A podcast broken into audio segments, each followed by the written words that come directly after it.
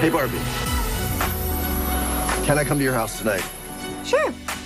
I don't have anything big planned, just a giant blowout party with all the Barbies and planned choreography and a bespoke song. You should stop by. So cool. I'm coming with you.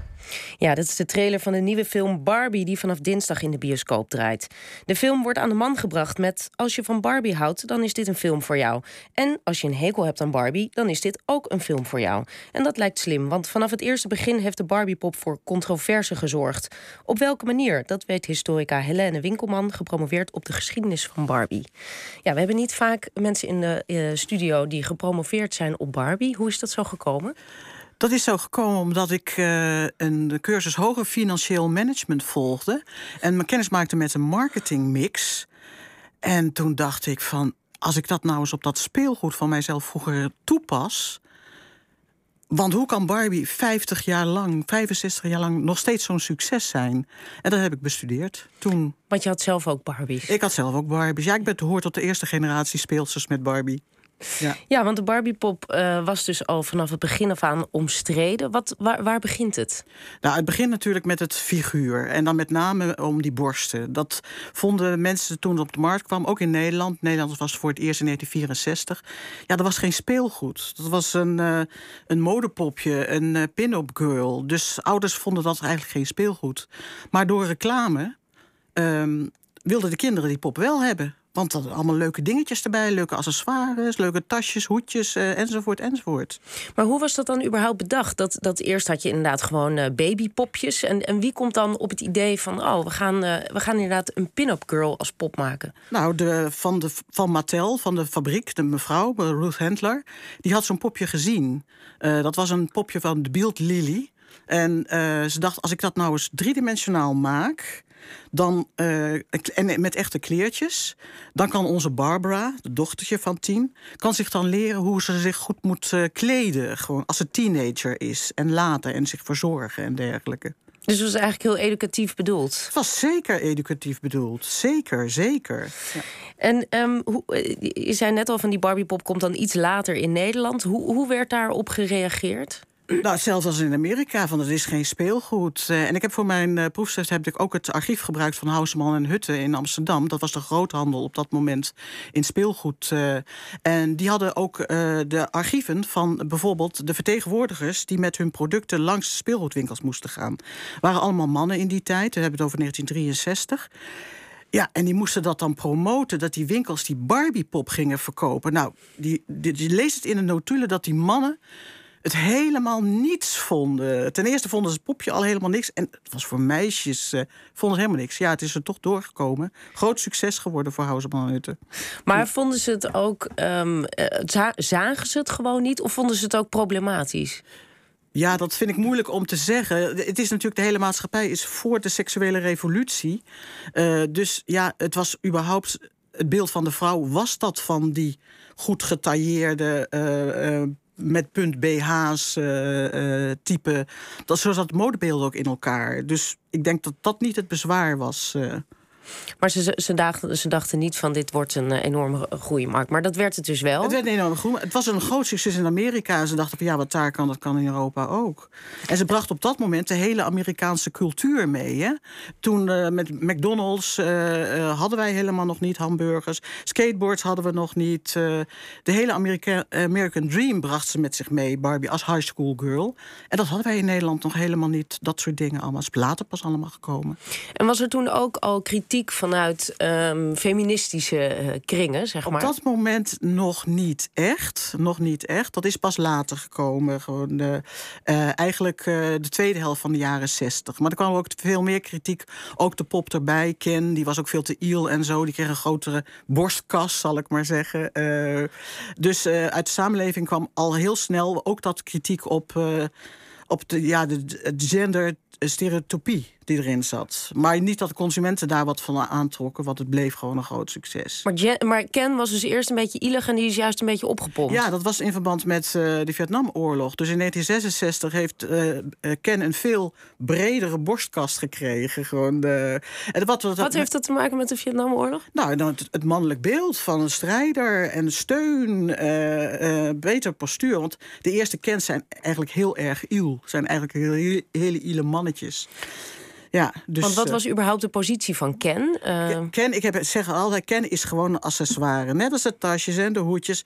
En dat is die eigenlijk nog steeds. Gewoon, die moet je er gewoon bij hebben. Gewoon zoals ze ook al haar vriendinnen erbij moet hebben. Het gaat nog altijd om Barbie. En hoe zit het dan? Want um, het, was dus een enorm commercieel succes. Maar wanneer zie je echt dat, dat ja, Barbie in gevaar komt als fenomeen? Nou, echt eh, begin jaren zeventig. Uh, gewoon als de tweede feministische golf er is uh, in Amerika en in Europa ook. En inderdaad ook dat er dan langzamerhand dat beeld komt van die mannelijkheid en die vrouwelijkheid.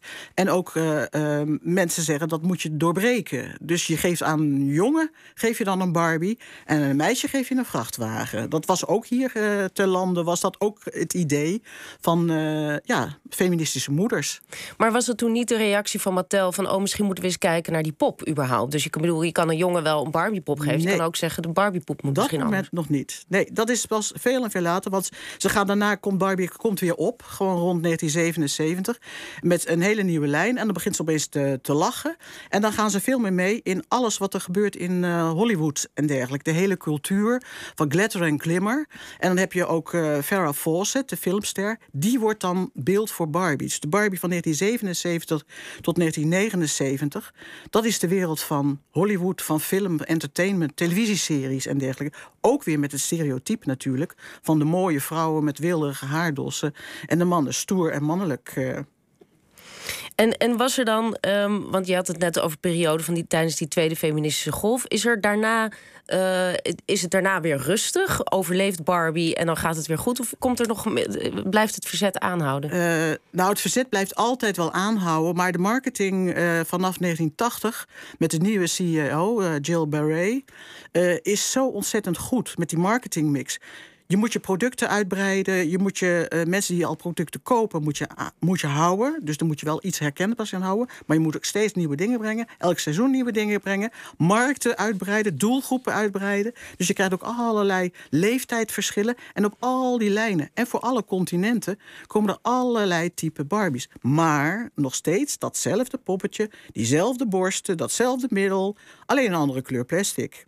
Ja. Een andere kleur haar. Gewoon, uh... Dus je moet je vijanden gewoon inkapselen een beetje aan de marges.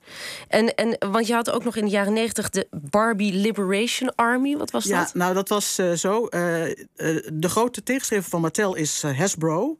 En Hasbro is van G.R. Joe en Action Man. Dat zijn figure, action figures. in de jaren negentig, toen had, was de techniek zo ver gegaan... dat ze een soort klein grammofoonplaatje achter in de rug van Barbies hadden. Maar ook van Action Man. Um, die kon je dus met. Die kon je dus dan kon je iets laten zeggen.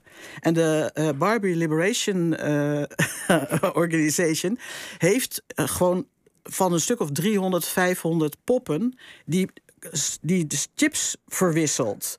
Dus als je dan Barbie liet praten, dan zei ze van... Uh, uh, kill them, Cobra. Gewoon, en uh, met zijn zware stem natuurlijk. En dan zei, um, zei G.R. Joe of Action Man... met een hele zware stem van... Of met een hele hoogstemmetje van Barbie. Let's go to the beach, let's go to the beach. I hate meth. Gewoon uh, dat oh, jammer dat Mattel dat nooit heeft uh, overgenomen eigenlijk. Nee, inderdaad. Ja. Nou, ze hebben, ze hebben geen proces aangedaan aan die... Uh, dus er is helemaal geen kritiek gekomen.